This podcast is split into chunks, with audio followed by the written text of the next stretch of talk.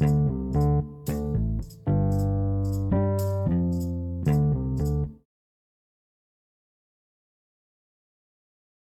Cek, apa kabar? Halo, baik Sol, apa kabar?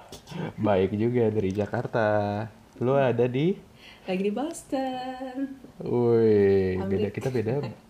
Kita beda berapa jam? Beda 11, Jakarta dan 11 Amerika. ya, 11 jam. Lu 11 jam lebih cepat dari gue. 11 jam lebih cepat. Gila ini podcast jarak jauh Podcast pertama ini. guys. Iya, podcast internasional.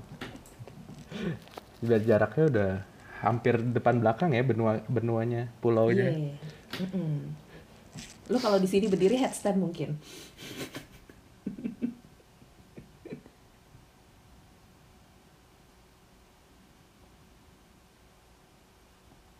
Di podcast nih.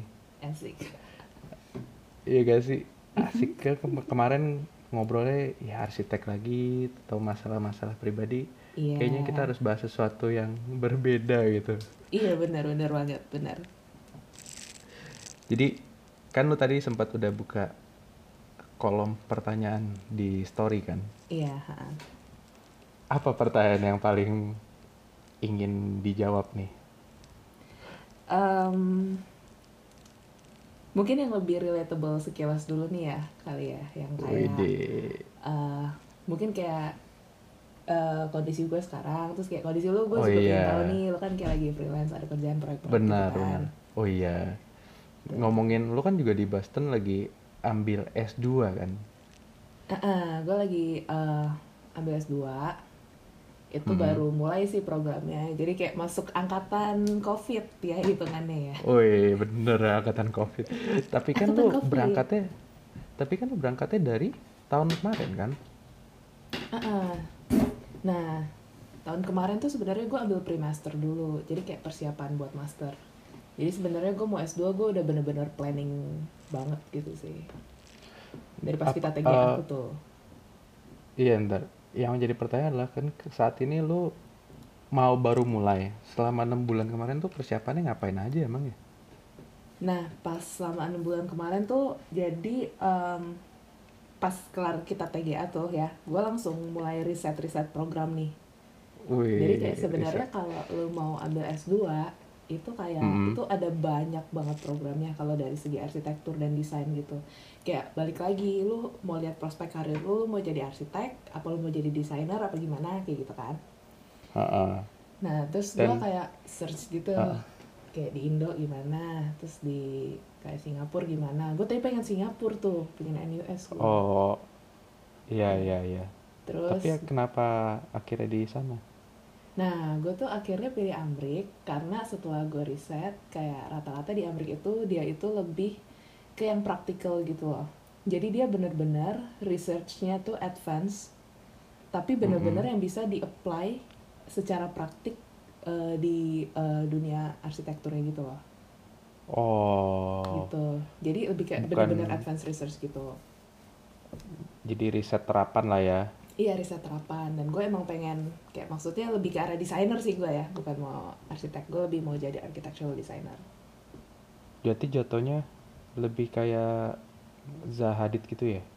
uh amin Iya kan dia lebih eh, riset riset Iya. berdasarkan desain gitu kan? benar kayak Zaha terus kayak Rem Koolhaas kayak Georg Ingels kayak gitu-gitu Iya kayak mereka iya, itu iya. lebih kayak riset-riset gitu-gitu lah pokoknya Kalau di kalau di sini pun kan juga nggak terlalu banyak riset yang dalam, yang penting Mm-mm. asal klien puas kan. Iya, kayak riset pun kebanyakan kalau di Indo kan kayak lebih akademis gitu kan, so makanya Iya, gue lebih pengen tuh riset tuh yang bener-bener terapan, terapan yang emang bener-bener bisa terbangun gitu. Kayak gue pun konsentrasinya pengen lebih ke resilience and technology, kayak gitu. apa tuh? Coba kayak resilience and gimana? technology tuh lebih kayak eh, karena gue demen komputasi ya, jadi kayak Hmm. Rhino gitu-gitu, kayak gue bener-bener mau memperdalam tuh kayak akarnya kan di Amrik gitu. Oh, Eh, komputasi parametrik desain. gitu. parametrik tapi yang applicable kayak maksudnya dari segi fabrikasi dan sebagainya di sini kan masih Iya iya, ngerti Nah. gue ngerti. kayak gue pingin membawa diskursus baru lah anjir baru. Anjay, keren Jadi banget kayak nih. maksudnya emang bisa teraplikasi. Terus itu kan dari teknologi ya. Kalau dari resilience itu gue melihat kayak maksudnya gue pengen kontribusi sih one day buat negara gitu. Kayak eh, mungkin kalau bisa terjun ke pemerintahan mungkin amin bisa. Cuma kayak maksudnya Amin, stop aja amin. lah gitu. Kayak pingin assist kayak em, yang pembangunan ibu kota baru gitu. Atau enggak yang kayak Jakarta sih. Jakarta kayak mau tenggelam gitu kan beb. Kayak Iya, iya. infrastrukturnya udah ah udah gitu banget kan. Kayak gue pengen cari celah aja sih. Kayak maksudnya bisa bisa ditolong ini gimana sih gitu kayak riset gue tuh basisnya di situ Iya, intinya cita-cita lu itu sebenarnya sederhana pengen bawa perubahan buat tanah air kan sebenarnya ceritanya. Asik. Gila, keren banget ya sih. setelah Dan- setelah perjalanan panjang Iya, perjalanan panjang banget. Mm-mm. Dan lu kuliah di sana berapa tahun kira-kira? Nah, ini kan eh, gua itu eh, kuliahnya ambil program MSAAD di Columbia GSAP kan. Jadi Ah. MSAAD itu Master of Science in Advanced Architectural Design. Itu Mm-mm. programnya padat. Itu sebenarnya cuma tiga semester, jadi tahun depan gue graduate. Eh, itu setara sama eh, Master of Architecture tahun ketiga. Heeh. Jadi yang emang di program ini itu yang udah punya eh, gelar sarjana arsitektur sama yang atau yang udah punya gelar Master of Architecture gitu. Jadi di sini tuh Oh. kayak eh, kebanyakan ada praktisi, profesional, terus yang baru lulus S1 juga ada. Di sini itu program gue itu lebih kayak memperkuat eh, trajectory gitu loh. Jadi kayak trajectory gue kan kayak tadi gue bilang resilience and technology. Nah, jadi Iya, kayak iya, iya. itu yang dibawa gitu loh dalam setiap risetnya gitu dan cep- program gue tuh kayak full studio gitu jadi nggak ada tesis Oh, nggak ada tesis. Wah, bagus Nggak. dong. iya bener-bener praktek Karena terlalu em memang lu tidak lu tidak demen dengan yang namanya teori. teori gue demen gue demen kayak belajar banyak banget teori dan sebagainya macam cuma kalau untuk bisa di apply ke dunia nyata itu emang nggak bisa bohong harus tetap praktek Hmm, iya sih memang. Gitu. kalau buat perbincangan kayak diskusi gitu seru soal kayak misalnya filosofi dan sebagainya yang buat arsitektur gitu ya tapi kalau emang bener-bener mau di apply ya itu balik lagi Iya memang. Tapi kalau ngomongin itu ya teori dan praktisi kayak gitu, sebenarnya gue pun merasa demikian sih. Gue tidak terlalu demen teori-teorinya. Cuman kayak teman-teman lo pada Mhm. ngomongin kan kayak teorinya tuh menarik. Terus gue tuh sama sekali nggak demen-demen aja gitu, nggak demen baca banget gitu. Cuman demennya ya pakai intuisi aja sih. asik Karena beda kan. Beda Mm-mm, banget. mm-mm. Teori tanpa dicoba ya hanya sebatas tulisan gitu. Mm-mm. Karena selama nama dia masih teori, itu masih akan ada teori lain yang bisa melawannya, gitu. Iya benar. Karena Seperti teori sama teori- ilmu beda, gitu. Iya iya. Makanya seru untuk dibaca, tapi untuk diterapkan harus tetap realistis, gitu kayak bisa apa enggak, gitu. Tapi lu tipe-tipe yang mau berdebat gitu tentang kalau teori-teori arsitektur gitu. Nah kalau teori demen gue, kayak maksudnya dalam perbincangan akademis gue demen, gitu. Hmm. Tapi kalau misalnya balik balik lagi ke project, yang gue pelajarin hal yang sangat besar yang gue pelajari saat TGA gue adalah jangan terpatok sama teori doang. Kayak lo harus banyak explore di uh, meshing, bentuk dan sebagainya kayak gitu loh. Karena kalau lu teori doang tapi lu nggak bisa interpret ke desain sama aja bohong. Bener. Dan itu kebalikan Gitu. sama gue. Unci. Gue gue bener kebalik kebalikan loh. Gue sama sekali tidak ada teori. Bahkan tugas akhir pun nggak ada teori sama sekali. Jadi disuruh baca. ya gue sebodo amat gitu. Nggak nggak pakai Form teori. flirting ya. Yo teori itu teori baru. Asik. Yang penting ya desain kalau gue bagus bagus dulu karena ya karena gue belum pernah kerja sama orang sih maksudnya ya Mm-mm, kerja sama orang pun sebatas magang kan dulu Mm-mm. akhirnya harus punya idealisme sendiri dan tanpa ada teori ya udahlah suka-suka gue aja yang penting desainnya komposisinya pas Nah. itu coba mungkin gue sih menunggu-nunggu lu balik ke Indonesia dengan gelar S2 ya Asik, amin. Sesegera. Iya, siapa tahu kan ternyata setelah lu bergaul dua tahun lebih lah ya anggapnya dua tahun gitu di sana membawa desain yang berbeda gitu loh. Amin. Aduh, itu cita-cita gue. Asik. emang desainnya tapi kayaknya lu bakal meliuk-meliuk sih kayaknya sih cenderung Zaha gitu kan iya cenderung cenderung iya Zaha Hadid Zaha Hadid Uh-uh. kalau nggak Benoy gitu-gitu ya soalnya kayak gue pingin sebenarnya pingin rada proof juga sih kayak lekuk lekuk lekuk tuh bisa loh sebenarnya cuma kayak ya lihat dulu fabrikasi dan sebagainya gue menuntut ilmu dulu di sini jadi nggak asal bacot dulu gitu. Tapi, tapi lu- lucu sih karena di Indonesia sendiri kan teknologi untuk kayak gitu rada susah. Iya masih jarang banget. Karena tukangnya itu sendiri yang ahlinya pun juga terbatas. Orang Mm-mm. bikin bikin Benar. tembok aja belum tentu lurus kan. Iya hmm, benar. Apalagi ini meliuk-meliuk. Mm-mm. tapi sebenarnya kalau dengan fabrikasi Hmm. bisa mempermudah gitu sebenarnya. Cuma ya tetap aja kan yang aplikasiin lagi tukang dan sebagainya tetap perlu pelatihan pasti. Benar-benar. Tapi lo punya tips nggak buat apply S2 Eh, tips nih. Iyo Um, i Oke, Em, mungkin pertama kalau pada mau apply S2 nih, kayak saran gue sih riset programnya dulu ya. Kayak terutama destinasinya kayak mau di negara mana, terus mau programnya secara spesifik apa, kayak bener-bener cek website univnya. Kalau gue bener-bener sampai samperin univnya sih, lihat langsung ngobrol sama murid-muridnya, Eh, Dan- lihat karya-karya muridnya juga gitu. nah waktu lu survei kayak gitu berarti lu tadi misalnya mau di NUS atau di mana lu nyamperin juga ke sana Samperin, bener-bener gue samperin. NUS Ngeliat. gue sempet samperin kan. Mm-mm. Terus kayak gue lihat dia lebih ke riset-riset gitu, oke. Tapi kayak maksudnya risetnya lebih kayak akademis, cuma lebih advance lah dari yang eh apa ya, lebih advance dari eh program itu pada umumnya gitu loh, kayak program master pada umumnya yang si Master of Architecture gitu. oh iya Terus, Terus? eh gue itu dapat ilham, dapat ilham lagi. Di gila Ilham. Amrik gitu gara-gara sebenarnya gara-gara gue ngobrol sama Pak Franky sama Fasil kan pas TGA Mm-mm.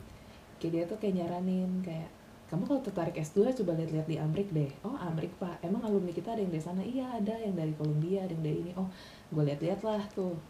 Columbia Harvard terus gue lihat MIT kayak gitu kan. Mm-mm. Nah, eh, sebenarnya saat memulai, gue belum tahu gue mau trajektorinya tuh apa di dunia arsitektur. Kayak maksudnya nanti di dalam gue berkarir nanti gue mau lebih ke arah mana tuh gue belum tahu. Jadi Iya. sebenarnya gue pi- pingin bilang kayak saat kalian research pun nggak apa-apa kalau kalian belum tahu mau ambil program yang mana gitu. Lihat-lihat Hmm. aja dulu. Banyak kok optionnya gitu. Karena kan waktu tempo setiap orang tuh beda-beda gitu. Ada yang Iya, udah iya. tahu udah tahu dari masa kuliah bahkan ada yang dia baru tahu nanti pas di tengah-tengah dunia kerja gitu jadi nggak Mm-mm. masalah. Terus habis itu kalau secara teknis itu yang perlu portfolio pasti. Terus CV Port- personal Portfolio pun statement. dilihat. Oh iya portfolio pun dilihat. Nah walaupun dan lu dari Indonesia kayak, gitu. Iya walaupun dari Indonesia harus eh, tetap dilihat portfolio. Hmm. jadi yang penting juga itu adalah personal statement. Personal statement itu lebih kayak ngejelasin uh, background lu apa, Mm-mm. Kenapa lu mau S2, terus sesudah S2 lu pingin karir lu seperti apa. oh eh, lebih kayak esai ya Iya, lebih kayak esai benar dan biasa ada limitnya kayak 500 kata, pas 1000 kata Hmm. kayak gitu. Dan ini harus per waktu kayak dua bulan gitu loh. Kayak maksudnya nggak bisa seminggu jadi gitu. Jadi kayak Hmm. mereka tuh bener-bener lihat kayak karakter lu tuh seperti apa dari tulisan ini. iya Gitu. karena tulisan yang matang tersusun itu dan yang asal jadi kan beda ya tertata Beda, dan tidak tertata bahasanya Mm-mm. Dan dia tuh juga pingin lihat eh, personal statement lu sinkron gak sih sama portfolio. Jadi kayak apa yang gue tulis di personal statement gue itu yang gue eh, project-project yang gue sebut di personal statement itu yang gue taruh di portfolio gue gitu. Mm-mm. Jadi mereka Oh, pingin lihatnya tuh sinkron. ternyata ribet juga ya nggak nggak asal gampang gitu ya terus habis Ah, misalnya kan udah lu lu udah nulis esai gitu dan diterima Mm-mm. nih apalagi Mm-mm. state apa apalagi sih yang urutan yang harus dijalanin lagi sih Nah, abis em, abis udah apply, biasa tuh Mm-mm. kayak 2 sampai tiga bulanan lah mereka proses saringnya. Terus mereka tuh bisa umuminnya tuh lewat telepon sama email. Gue tuh ada di telepon sama di email juga kan. Nah, ada yang dia langsung auto terima ada juga dia yang kayak maksudnya mau wawancara dulu gitu. Jadi Mm-mm. sebenarnya tergantung situasinya kayak gitu. Nah kalau yang pas kemarin itu eh, gue dapetnya rata-rata dari email dan Oh, dari situ kayak maksudnya sifatnya gini saat mereka udah terima lu posisinya mereka memberikan tawaran lu mau terima tawarannya apa enggak gitu. Jadi Oh. ada univ yang bisa lu reject gitu oh. tentu kalau misalnya udah terima oh ya nih kita keterima di sini sini sini kita cari tawaran yang paling bagus dong yang mana kan? Hmm. nah awalnya tuh gue condong banget ke MIT condong banget ke MIT MIT itu Massachusetts ya? Ya Massachusetts Institute of Technology. Nah dia Iya, itu iya. programnya gue daftarnya MArch kan. Nah itu tiga tahun beb. Tiga Oh, tiga tahun. tahun. tiga tahun. Udah kayak mau S1 lagi kan? Iya iya terus iya. kayak gue juga mikir kayak aduh biayanya gede juga gue nggak dapet potongan gitu nah Terus? nah sebenarnya tiap univ tuh bisa ngasih potongan gitu. Tergantung Potongan- kayak dia mau ngasih potongan apa enggak. Potongan tuition. Kayak Hmm. uang pangkalnya dipotong. Iya iya. nah tergantung dari personal statement lu portfolio gitu gitu loh. Nah Oh, terus terus. gitu.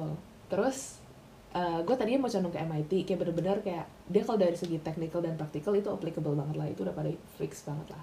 Hmm. tapi di situ gue lihat kayak maksudnya dari segi duit mana yang lebih cuan nih? Kayak maksudnya saat milih S2 kalau misalnya dari segi duitnya nggak eh, nggak worth it jangan dipaksain. Gitu. Iya iya. nah terus gue eh, dapet tawaran yang dari Columbia gue dapet potongan dan juga dapet tawaran jadi asdos gitu. Jadi Oh. mereka sebutnya teaching assistant.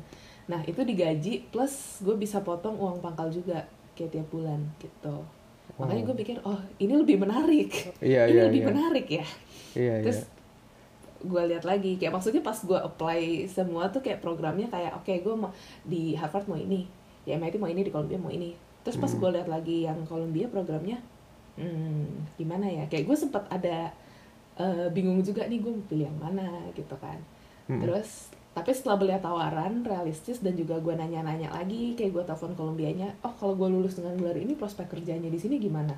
Oh begini-gini dijelasin sama mereka. Jadi kalau di sini lu mau nanya mereka open banget. Nggak usah takut Dan- nanya. Dan dijelasin juga prospek kerjanya kayak gimana.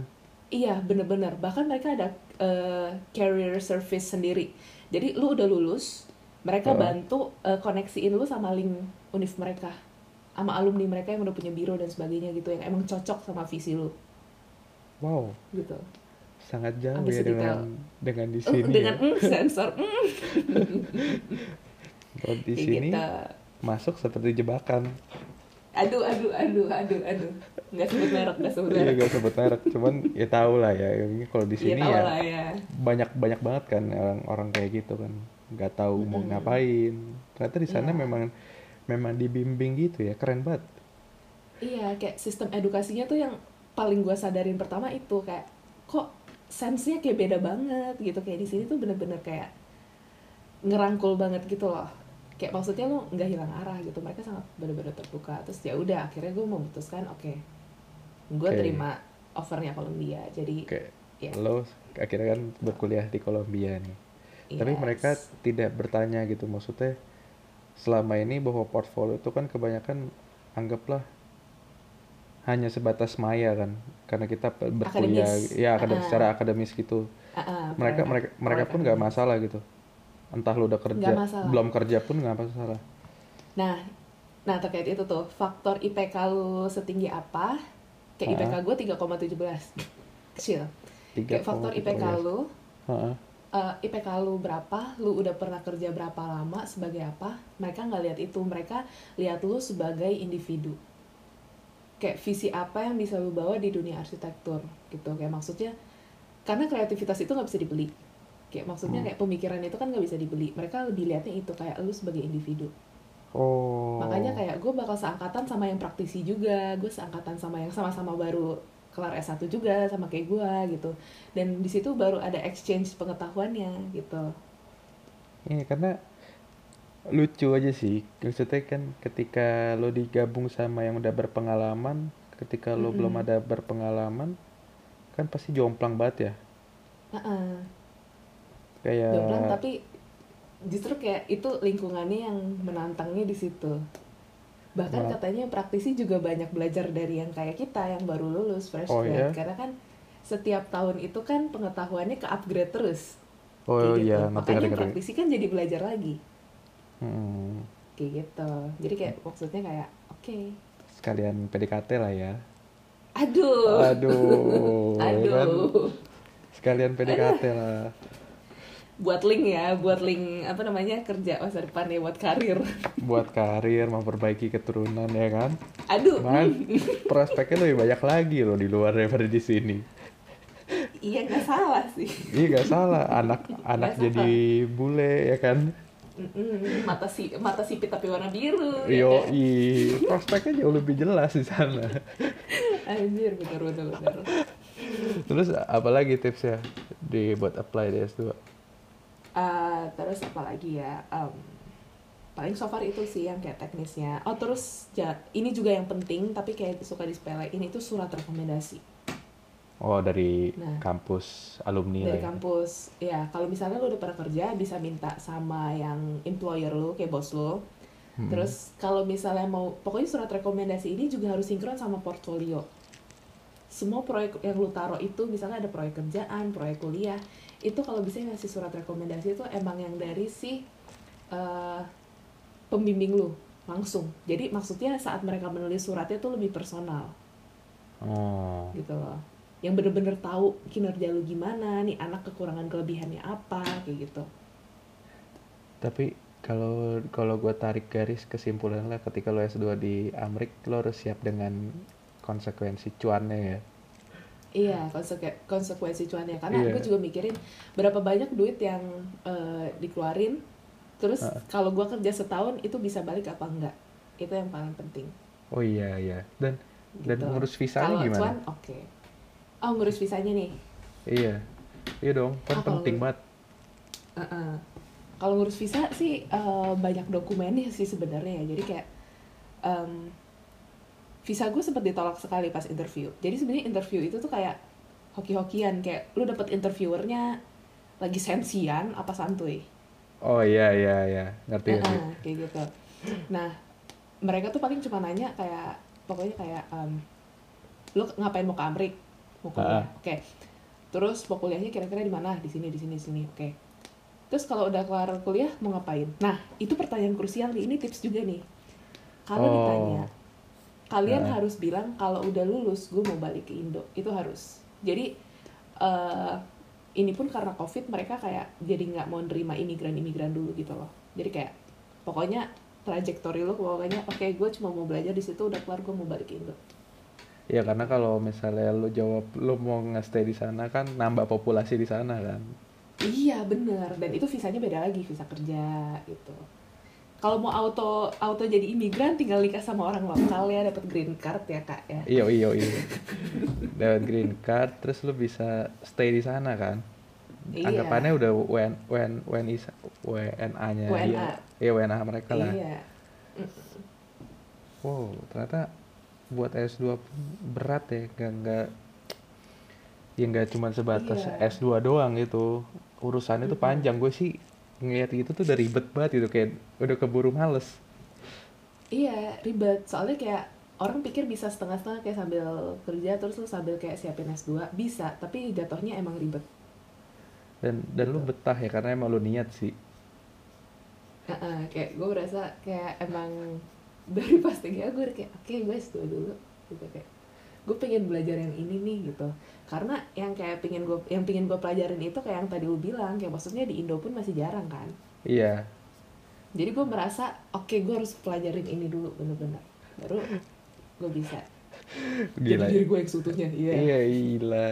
Gila ini ini kalau kalau gue lulus tuh gue langsung mikir gak gue wah ditanya kan mau S2 nggak?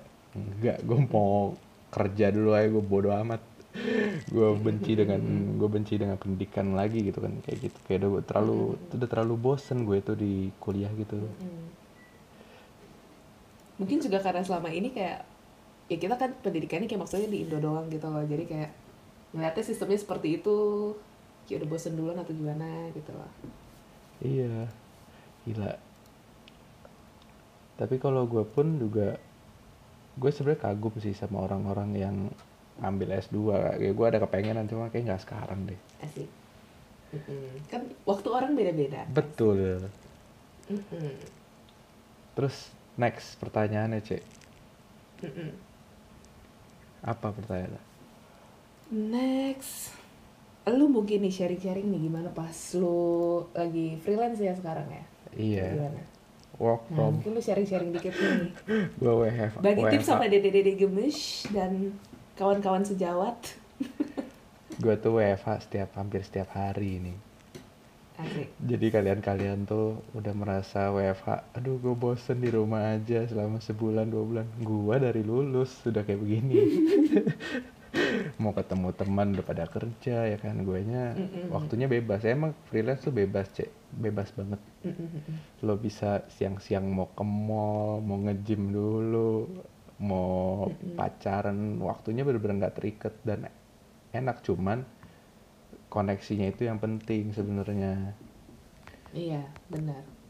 Kayak ceritanya gue tuh juga dapat first project itu dari bokap sebenarnya. Bokap yang kayak kasih "Eh, ini ada desain ini mau nggak pegang katanya. Tadinya tuh cuma bikin renderan 3D Mm-mm, mm-mm, mm-mm.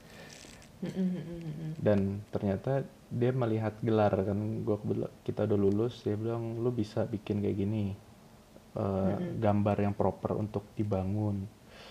Karena gua ada basic udah punya basicnya waktu itu ya gue menyanggupin dan berujung lah pada freelance ini. Sebenarnya gue juga tidak cakep. tidak memimpikan ini loh sebenarnya.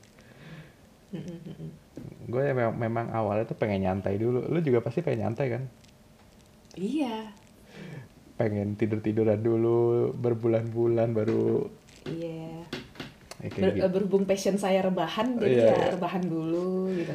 Sama ya kayak kayak bangun kalau bisa siang-siang tidurnya sore-sore balas dendam balas dendam selama Balas empat dendam, tahun. iya. Tapi ya gitu sih kalau kerja gitu bosen.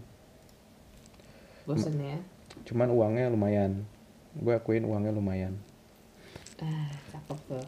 Dan? Benar apalagi kayak maksudnya proyek-proyek proyek-proyek kayak gitu kayak lu kan turun tangan sendiri kan? Iya. Nah itu mantep banget sih. Dan itu paling enak sebenarnya yang gue nikmatin sekarang itu adalah gue belajar ya gue belajarnya dari tukang. Jadi misalnya eh, gue ada desain kayak gini gue nggak pede nih bisa dibangun apa enggak coba deh kok dibelajar gue malah sama tukangnya gitu. Kayak ini bisa nggak nih kayak gini ternyata dianya tuh malah lebih pinter yang dia kayak bilang "Nggak bisa nih pak diakalin gini gini gini. Oh ya udah malah belajar. Dan emang ternyata kelemahan kita selama ini adalah kita kurang paham tentang material sih. Iya kita kayak bener-bener pure teori gitu loh. Nggak Iya. nukang nggak ngikut nukang kalau di sini tuh ngikut nukang loh S 1 nya iya ngikut nukang lu bener-bener motong kayu motong. Maku maku ngebor ngebor semua Bener. Mm-mm.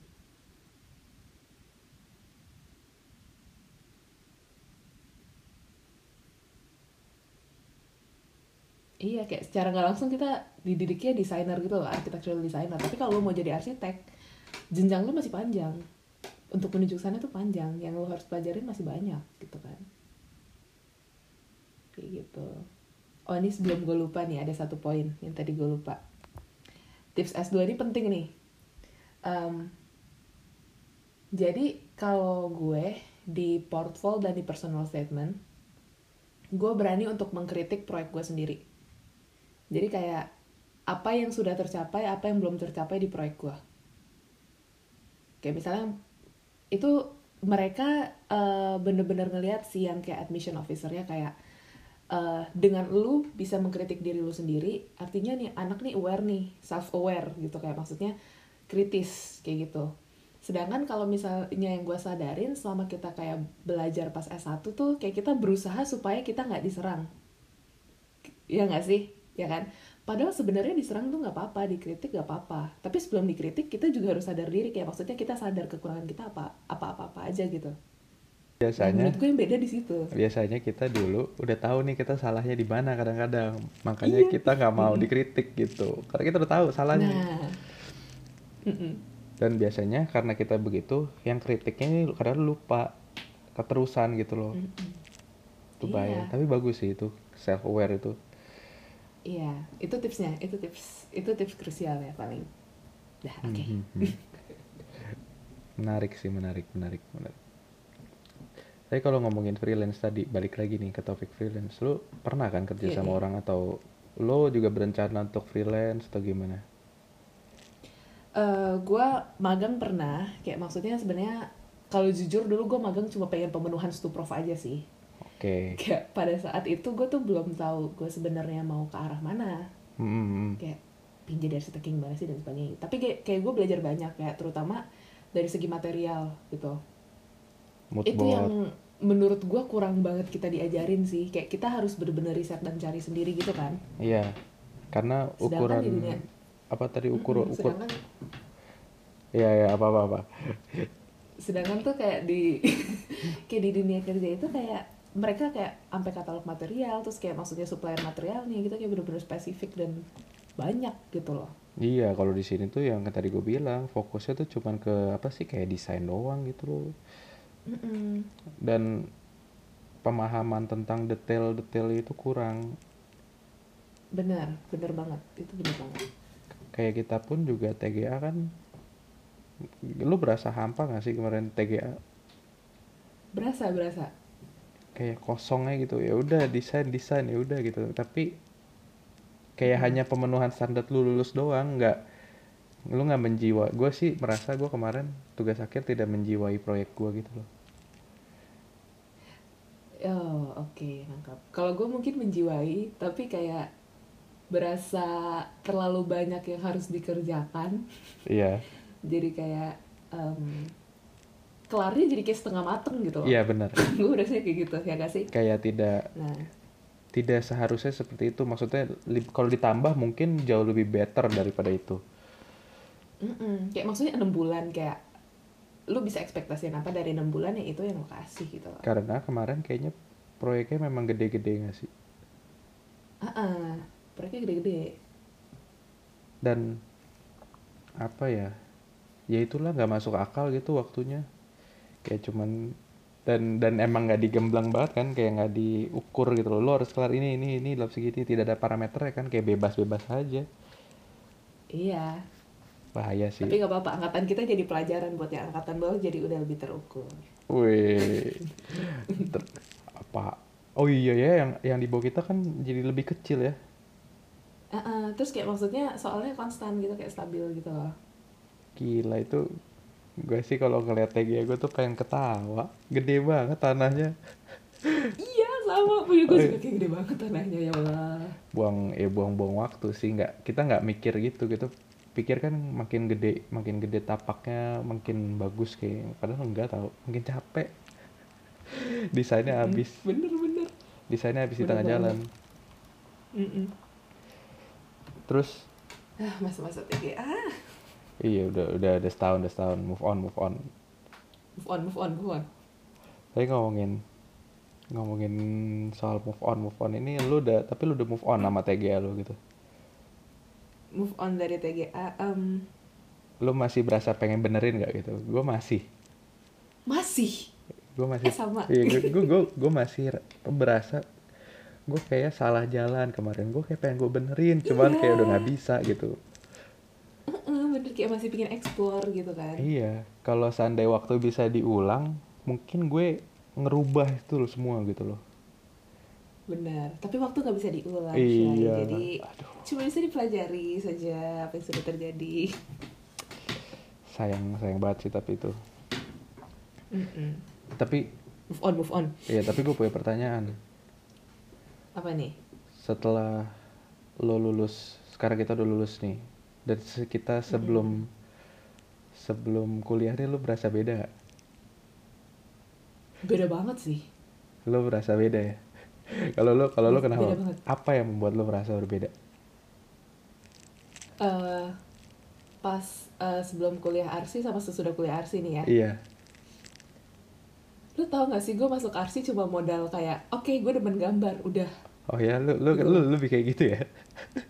Iya gue kayak oke. Kayak maksudnya gue waktu itu mikir kayak eh, nilai gue yang tinggi cuma biologi sama arsi oke apa gue jadi dokter gitu loh kayak Hmm. atau gue lebih ke arsi aja. Karena gue kan ada gambar teknik waktu itu. Oh, di SMA gue sekolah yang keren. Terus terus. oh unci nah terus abis itu gue kayak oke yang mana ya yang mana ya? Terus gue mikir kayak aduh jadi, dokter kuliahnya lama. Ntar gue nikah makin lama. Lah sekarang gue udah lulus kuliah. Arsi gue S2 lagi. Sama aja Iya, sebenarnya. sebenarnya sama aja. Iya gak sih? Ya iya, sebelum arsi gue cuma kayak maksudnya Oh iya, gambar-gambar aja, yang penting gambar dan sebagainya. Tapi ternyata, uh, beda banget. Kayak arsi bener-bener kayak wadah gitu tau. Arsitektur bener-bener wadah. Dan lu sebenarnya banyak cabang ilmu yang memang nyangkut gitu loh ke arsitektur. Iya, karena kita pikir kan ya ngebat ngebatas desainnya desain rumah aja, bangunan aja. Ternyata tuh luas banget. Sampai harus Bener, menganalisa Luas orangnya. bener Tapaknya, Iya. tanahnya lu analisa ya kan Iya sih, yang Pohonnya lu liatin iya, ya kan? yang paling gue sebel tuh harus nganalisa orang, penduduk apa gitu, yang ribet-ribet itulah. Ya, Demografi Iya. iya. Dan dan iya sih, emang setelah pandangan-pandangan lo tentang dunia pun waktu sekarang pun beda kan. beda cara pandangnya jadi bener-bener beda loh jadi kayak gue tidak menyesal gue mengambil arsi hanya dengan modal kayak eh, oke gue suka gambar tapi ternyata banyak hal yang gue pelajarin Hmm. gitu Apa coba kalau karena gue eh kalau gue senengnya kayak maksudnya apa ya di arsi itu arsitektur itu bukan suatu hal yang statis gitu loh. Jadi menurut gue dia dinamis. Hmm. dia kalau bisa dikaitin ke politik nyambung ekonomi nyambung psikologi nyambung gitu. Nyambung semua. dan nyambung nyambung semua sebenarnya. Sedangkan stereotip orang-orang tuh kayak kalau misalnya ngomong oh kuliah apa? Arsitek. Oh boleh nanti bangunin rumah gue. Iya, iya, aduh iya. mikirnya rumah aja gitu kan. Iya, selalu gitu. nah ini stereotip iya ini stereotip yang harus kita basmi nih guys. Nggak cuma rumah doang Belum sebenarnya bisa bangun apa orang gua proyek per- proyek kedua gua aja bikin kandang ayam. eh sumpah loh Ini sumpah lo, gue gue bener cerita. Gue proyek yang nomor dua itu sambil berjalan Mm-mm. desain kandang ayam. Bener-bener desain kandang Hmm. ayam dari bambu. menarik Gue gue jarang cerita. Gue gue jarang cerita ke orang tapi itu memang jadi teman gue mau usaha ternak ayam terus dia minta tolong digambarin gitu. Tolong dong desainin ya udah desainnya jadi minimalis minimalis itu atapnya atap jengki lah gimana gitu. Cakep. Itu sih kalau gue du- dulu tuh. Ya kan? Terus kayak sesudah kuliah gimana nih pandangan lu? Kayak kalau gue sih biasanya kayak beda banget. Kayak cara karena arsitektur lu jadi kayak memandang dunia tuh beda. Kayak maksudnya eh lu nggak kalau buat gue sendiri ya kayak belajar itu nggak bakal ada habisnya. Lu pasti akan selalu belajar suatu hal yang baru. Apalagi dunia kan lagi bergeser sekarang. Asik. Karena pandemi ya kan? Gitu. Kalau lu gimana nih? Heeh.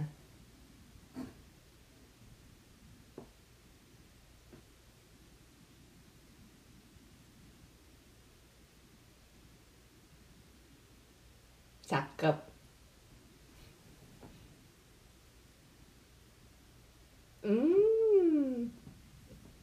Iya, benar.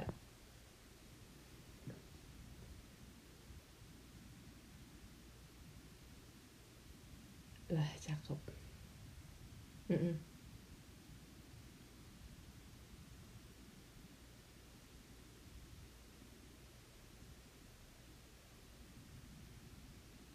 Mm-mm.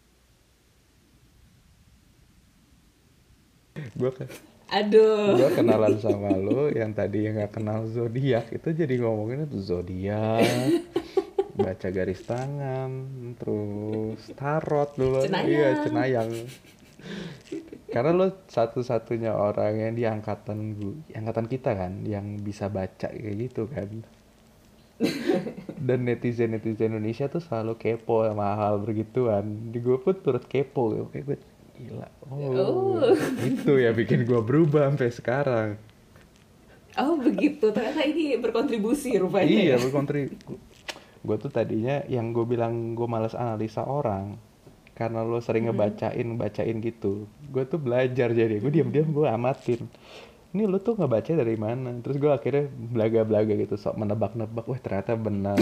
Iya, kayak gitu dan itu seru tau sampai sekarang gue suka kayak gitu jadi Mm-mm. Sekarang gue tuh jadi tahu caranya ngobrol sama orang. Karena sering gak lama lo, lo kan pinter ngomong apa terus gue perhatiin lo gitu.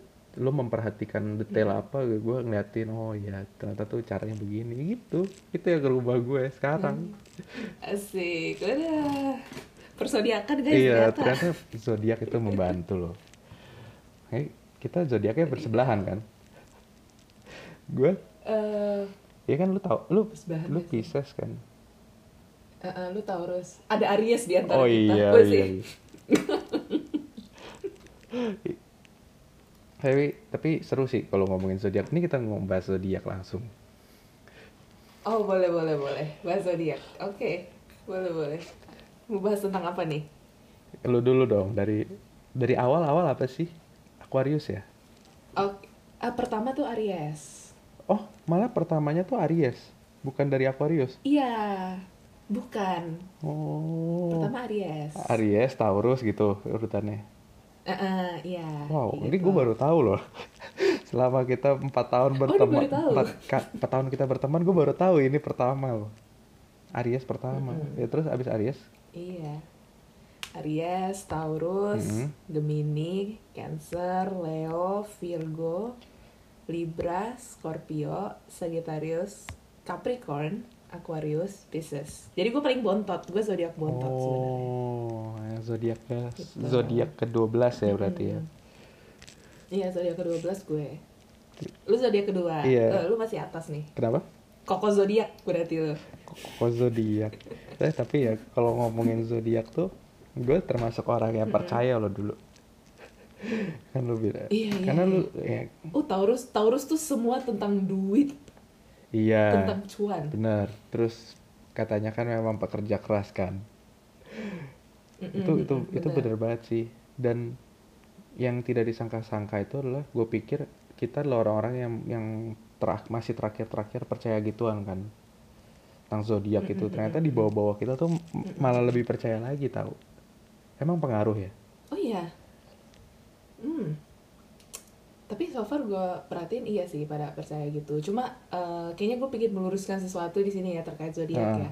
Karena kadang ada orang yang berasa kayak, oh gue gak percaya zodiak soalnya gue baca ramalan zodiak kok nggak berasa kayak gue. iya benar Nah karena selama ini itu yang kita baca adalah zodiak itu namanya yang kita baca itu sun sign. Jadi posisi matahari pas kita lahir. yang Jadi kayak posisi matahari pas lu lahir itu di Taurus. oh iya yang kita tahu Kayak kan gitu. sekarang kita baca Yang kita tahu kan kayak gitu. Mm. Tapi sebenarnya ada banyak posisi planet lain dalam kayak tata surya itu saat kita lahir mereka ada di posisi tertentu dan itu memberikan efek ke kayak maksudnya emosi kita, pemikiran kita, cara kita komunikasi gitu. oh ini gue Banyak. Ini baru tahu juga Makanya sih. kayak suka berasa lu suka berasa gak sih kayak lu Taurus tapi lu kayak nggak Taurus Benar, Taurus benar. banget. gue kayak Leo kayak Aquarius hampir kayak semuanya kadang-kadang Sih. Asik, avatar Yo, dong ya. avatar yang menghilang saat dibutuhkan.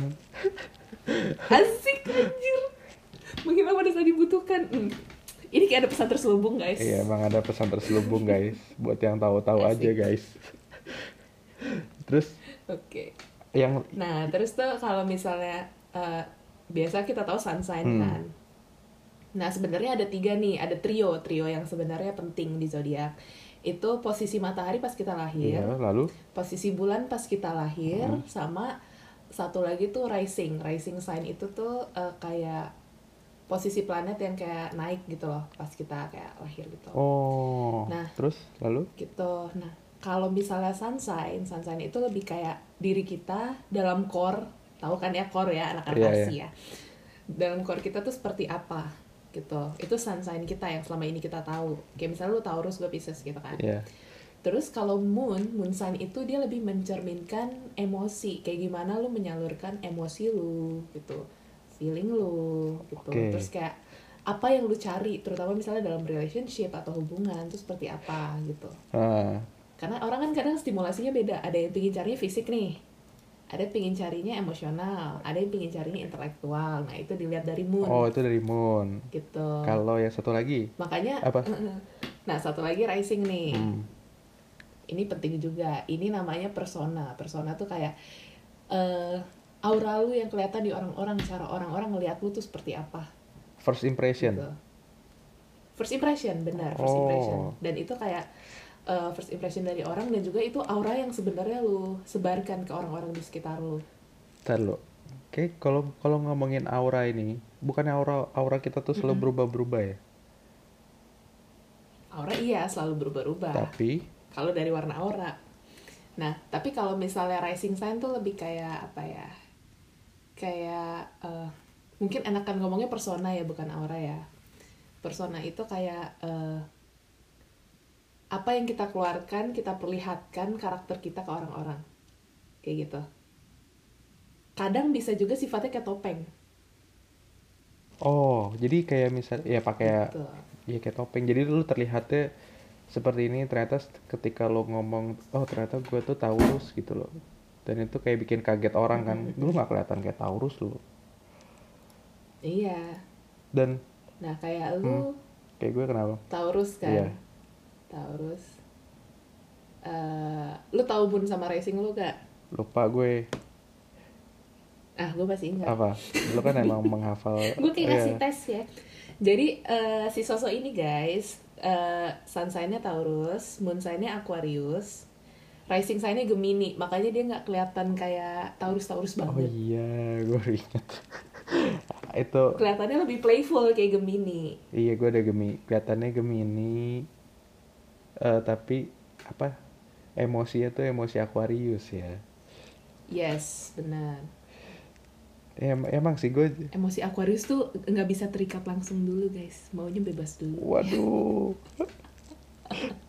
makin merujuk ke sesuatu ini Aduh, aduh, aduh. eh tapi tapi ngomongin zodiak tadi nih, misalnya kayak gue udah tahu Mm-mm. eh gue ada yang Taurus tadi kan ada Aquarius ada Gemini nah berarti gue kalau misalnya mau nyari pasangan nih apakah gue harus ngeliat yang sama juga gitu Nah, kalau cari pasangan, gue sarankan lihat dari moonnya sih. Moon lebih penting kayak gimana cara lu menyalurkan emosi lu. Karena kan kayak maksudnya gimana juga kalau dalam hubungan pasti kan itu mainnya udah perasaan kan. Berarti kalau misalnya gue tadi Lihatnya lebih ke kalau misalnya gue tadi moon sign-nya adalah Aquarius berarti gue harus cari yang cocok dengan Aquarius kan sebenarnya normalnya gitu kan? Iya, cari yang satu elemen sama lo atau enggak lu carinya yang elemen api ya berarti. Ntar lu, eh, nah, kan lu ngomongin elemen nih. Elem, Ah. elemennya tuh apa aja? Coba. Kan kalau Taurus berarti elemen tanah karena Terus tanah, ya. yang tanah. Aku eh, nih, coba coba tanah Taurus, Capricorn, Virgo itu tanah. Terus Aries, Leo, Sagittarius itu api. Heeh. Kal Terus Pisces, Cancer, Scorpio tuh air. heeh. Aqua, Libra, Gemini itu angin.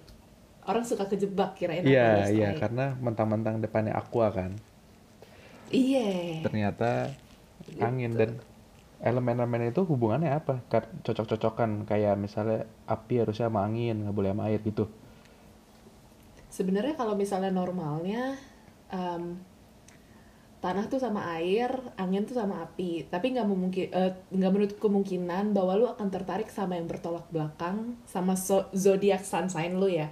Makanya kadang oh Pisces kok bisa sama Aries, Taurus kok bisa sama Libra kayak gitu Iya, kan. iya. Nah, itu ada efek dari moon sign-nya juga. Gitu. Kayak moon sign lu kan angin kan, aqua kan. Iya. Makanya kalau lu menarik kayak yang zodiak angin kayak Libra apa Gemini itu wajar karena maksudnya cara lu menyalurkan emosinya masuk. Gila orang gue dari kemarin nggak apa pun ya Libra lagi Libra lagi bosen gue kadang-kadang Aduh, disebut zodiaknya. Aduh. Yang Libra menepi dulu, guys.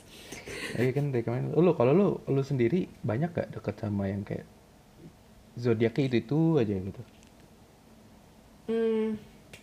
Kalau gue ya, gak tau gue dari awal tahun gue deketnya sama Gemini nah terus. lo kan itu itu secara moon sign apa apa Gemini terus. itu Kenapa? moon sign eh moon sign apa sun sign Sunnya, sunnya. waduh Sunnya Gemini. ya kan Itu dari awal tahun kayak sampai berturut-turut Gemini Gemini Gemini ah gue sampai kayak oke Gemini tapi kayak pas lihat moon sign-nya kayak oh jadi berasa kayak connect gitu loh kayak oke gue tuh rada gak nyambung sama dia gini. Gue sama dia lebih bisa open karena gini gitu loh. Waduh. jadi ini sebenarnya kalau zodiak itu takutnya kan orang mikirnya ini kayak pembatas gitu loh sedangkan kan cinta itu kan kayak lebih besar daripada zodiak gitu kan. Kayak maksudnya ini bukan pembatas. Anggapnya sebagai katalis aja. Gitu loh. Hmm, kalau lu cuma lihatnya selama ini sunshine mungkin kelihatannya nggak penting. Tapi kalau lu baca secara keseluruhan ya dari segi astrologi kayak birth chart lu Hah. kayak posisi detail nih planet-planet tuh pas lahir tuh di mana? Pas lu lahir planetnya di mana? Posisinya. Itu sebenarnya penting kalau kalau gue lihat ya. Enggak kan karena kan kayak kadang-kadang tuh kayak kita suka berasa kayak hilang arah atau gimana. Apalagi lagi karantina gini kan kayak suka hening Yoi, bengong yoi. bengong lah. Yoi yoi. Kayak gitu kan? Dan dan lo dan gue pun kan kemarin juga kalau kita ngobrol-ngobrol emang sama kan. Kita kayak bener-bener pinang yang dibelah dua gitu loh, punya sifat yang sama. asik asik asik. Kembaran Iya. saya guys. Jadi kita tuh punya apa ya kita sifat 95% ya Ceh, apa 90% lah mirip mirip Iya. banget dari cara memperlakukan orang, gebetan, temen, asik aduh. Apa apalagi sih ya kayak hubungan gitulah dari cara berpikirnya tuh sama. bener bener Jadi gue kalau mau curah dan baru notisnya Iya. sekarang astaga selama ini kita nggak pernah notice. Mm-mm. Dan dan kalau misalnya gue cerita sama lo pun juga kayak lo udah tahu gitu kan. Mm-mm. Terus kalau kayak ah tahu ini mah kayak iya kan kayak lu cuma memberikan gambaran iya kalau gue sih emang kayak gini oh, terus gue langsung kayak biasanya notice langsung oh gitu gue juga berarti sama gue bilang gue pun tidak kaget ternyata karena gue sendiri begitu ternyata. Iya benar. Tapi ntar zodiak zodiak yang dibaca bacain majalah itu berarti nggak terlalu berpengaruh kan? Harusnya kita malah cari sebenarnya enggak itu cuma sunshine doang pure sunshine doang atau kadang dia cuma eh, apa ya cuma kayak ngasih fun fact aja gitu. Oh dan kalau yang misalnya gini lo kan dulu juga suka tarot ya kan kenapa tarot berhubungan dengan zodiak gitu Eh, berhubungan dengan zodiak. Oke, jadi kayak ada beberapa kartu di tarot yang emang representasi dari zodiak tertentu. Jadi kayak membawa elemen dan auranya si zodiak itu gitu. Nah, tapi tarot itu sebenarnya cuma alat gitu, Media. alat yang buat Hmm. mengasah intuisi lu. Karena saat lu membacain orang, lu sebenarnya menganalisa si orang itu. Tapi dengan juga memakai intuisi lu gitu. oh gila ini mulai dalam nih pembicaraannya Mulai mulai tarot. iya terus itu yang melihat yang menggunakan Iya. intuisi itu adalah lo sebagai pembacanya kan bukan yang dibacain Heeh, kayak maksudnya kalau dari segi pembaca iya pakai intuisi makanya saat kita ada klien itu makanya kenapa tarot reader itu tuh pada kayak em, saat membacain sesuatu tuh pasti ada energi dia yang terserap. Kayak maksudnya ini bukan secara mistis atau apa ya tapi karena kan kalau dipikirin emang tarot kita kocok kartu kita buka kartunya kita interpretasiin satu persatu kartunya terus kita menyampaikan pesan gitu loh ke klien. Itu kan sebuah siklus energi gitu.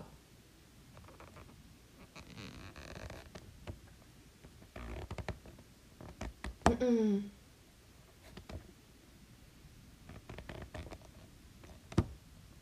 Iya, karena yang olahraga bukan fisik gue, tapi kayak spiritual gue kayak lagi olahraga gitu.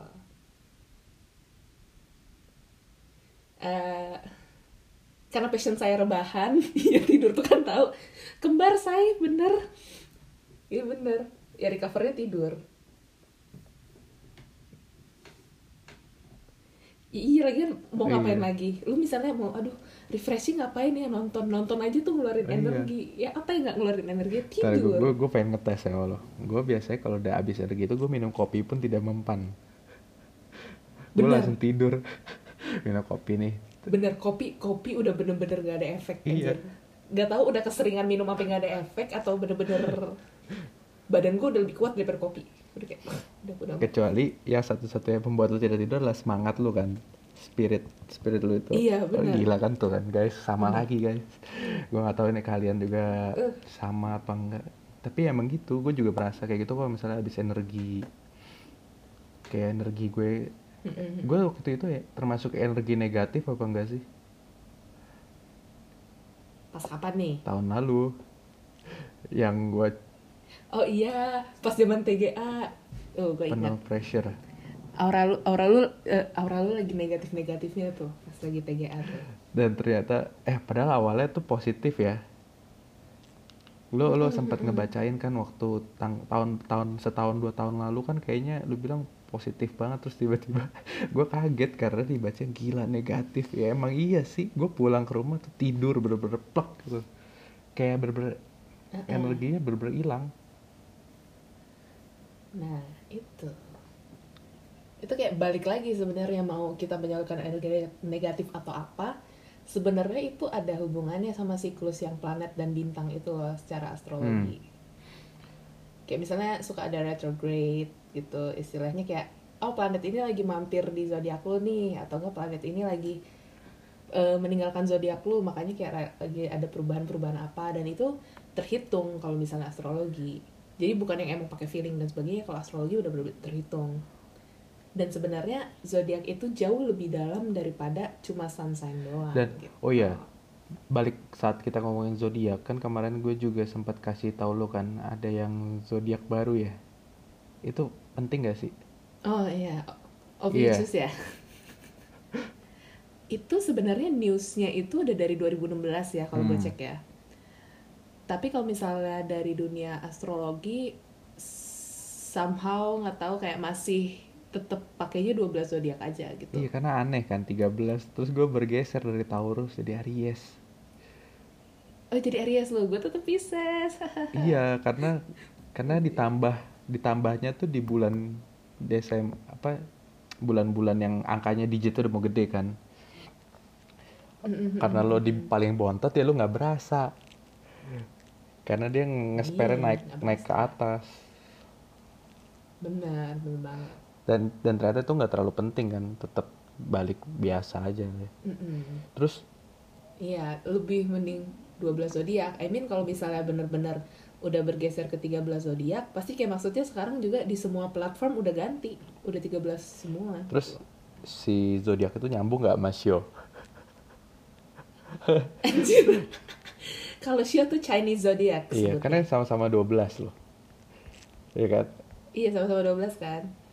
Nah ini lucu ini lucu banget nih gue cerita Hmm. dikit ya. Gue punya temen orang eh, Taiwan di sini dan gue sempat tanya ke mereka, eh zodiak lu apa?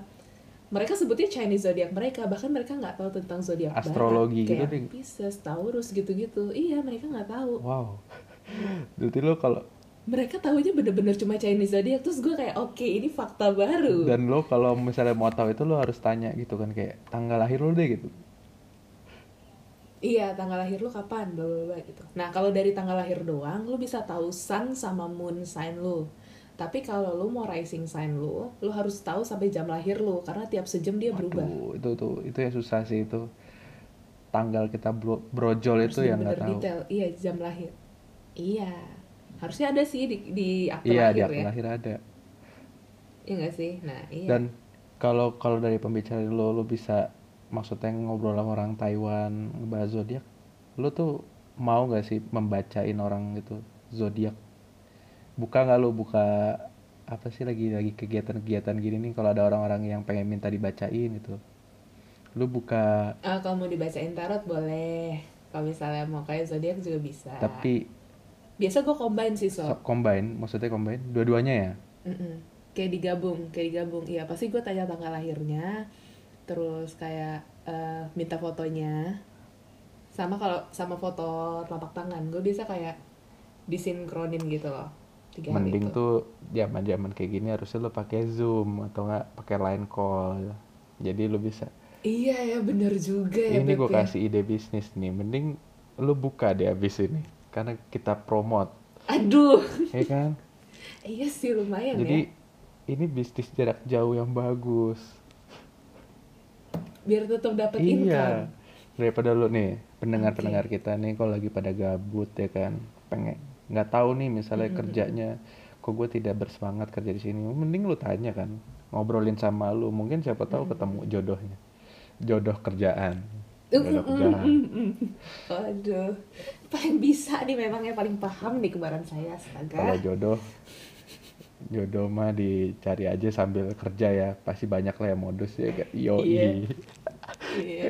Ntar juga ada. karena kita pun begitu ngintip-ngintip prospek di tempat kerja Benar, benar. benar. iya tahu mending mending setelah kita mengakhiri podcast ini yang mau yang mau tanya-tanya zodiak tarot meramal apa sih sebenarnya cek sebutannya Eh, garis hidup bukan ya bukan, bukan, bukan. Lebih kayak apa ya? Eh, tarot itu sebenarnya bukan bukan garis hidup atau gimana, cuma kayak ngasih tahu lo kalau ambil jalan gini tuh gini loh. Kalau lo ambil jalan gini lo gini, tapi kayak keputusan tetap di lo. Kayak maksudnya ini lebih sifatnya prediksi. Wih, lu ya bagi yang teman-teman yang pengen memprediksi mungkin langsung chat aja nih ntar gue tulis di deskripsi deh Asik. IG-nya Boleh, boleh, boleh. lo boleh. jadi ada kerjaan juga jadi lo nggak bosen karena gue tahu lo sama gue tuh satu tipe yang kalau nggak ngobrol sama orang tuh tidak Bener. seru gitu Bener, Hidup- bener, bener. iya. Kayak energinya nggak tersalurkan. hidup merasa apa ya bosen gitu Bener, bener. bener. kalau lagi begini Jadi kayak gue sama Soso tuh sama-sama harus terstimulasi secara intelek guys. Jadi kalau kalian mau chat gue silahkan di IG.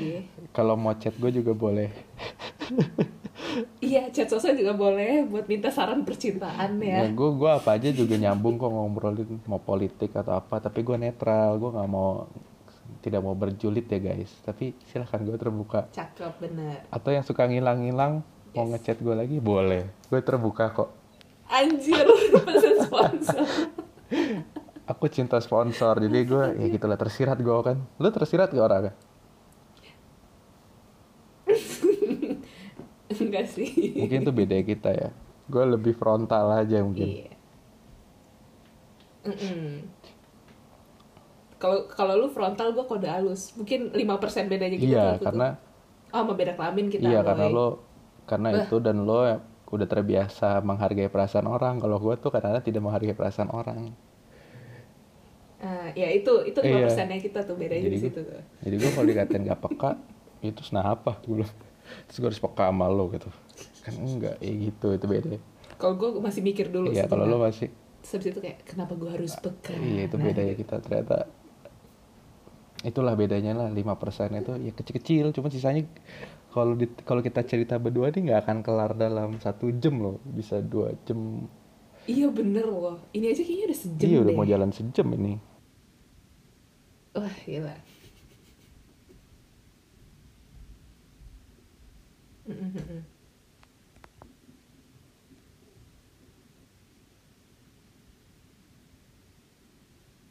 Oh, enggak, enggak, enggak. Kalau tentang energi bumi itu beda lagi, lebih ke spiritualitas sih.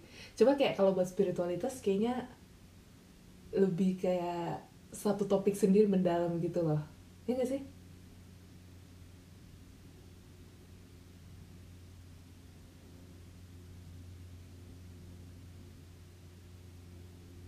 Wah, boleh banget. Wah, di-invite lagi nih gue.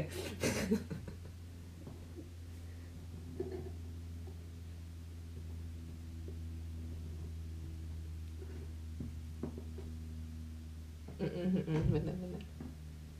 Eh, zodiak bukan kepercayaan sih. Kalau gue lebih sebutnya astrologi ya kalau dari segi keilmuan ya.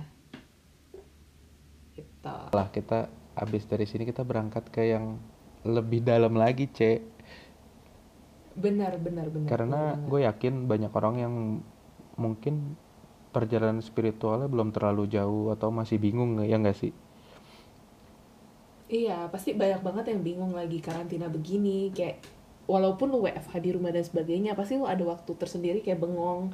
Kayak mungkin lu mempertanyakan kayak gue ngapain sih sekarang kayak kok gue begini ya gitu. iya rasa-rasa kosong itulah yang kita sebut sebenarnya perjalanan spiritual belum Benar, maksudnya perjalanan benar. spiritualnya itu belum berjalan maksimal ya sih? Ketik. Mm, mm. Kayak mau ada eh, kayak mau ada awakening gitu loh, kayak kebangkitan spiritual. iya. Tapi itu kayak maksudnya masih tahap awal. Kalian tapi bener gak kalau misalnya untuk merasakan perjalanan spiritual itu lu harusnya negatif dulu gitu. Lu merasakan jatuh dulu baru lu merasa merasa gitu loh. Oh ternyata Bener, berubah biasa- gitu loh. iya biasanya kayak gitu hilang arah dulu biasanya. Kayak kok gue negatif banget kok hilang arah? Terus kayak gue tuh mau apa sih sama karir gue sekarang? Kok gue sekarang seperti ini? Kok gue ninggalin dia sih? Iya. Aduh Oh iya, pesan pesan sponsor. sponsor. lagi. Tolong para para sponsor hati ya kok, tolong dengarkan kok gue ya. dulu tidak tahu gue tidak peka gitu. Ternyata udah tahu jawabannya ya kan? Bener bener bener. Oke kita mungkin kita udahin dulu podcastnya. Kita lanjut spiritual membahas tentang spiritual ya Cie ya di the Oke. nextnya karena lu sendiri kan juga lagi sibuk kan asik gitu lagi Asik ya lumayan lumayan, iya nanti kita cari waktu lagi ya Cie ya Oke, siap. Thank you banget loh udah diundang-undang ke gatel-gatel. Aduh, CEO, ya ampun. kan emang bener. CEO and founder.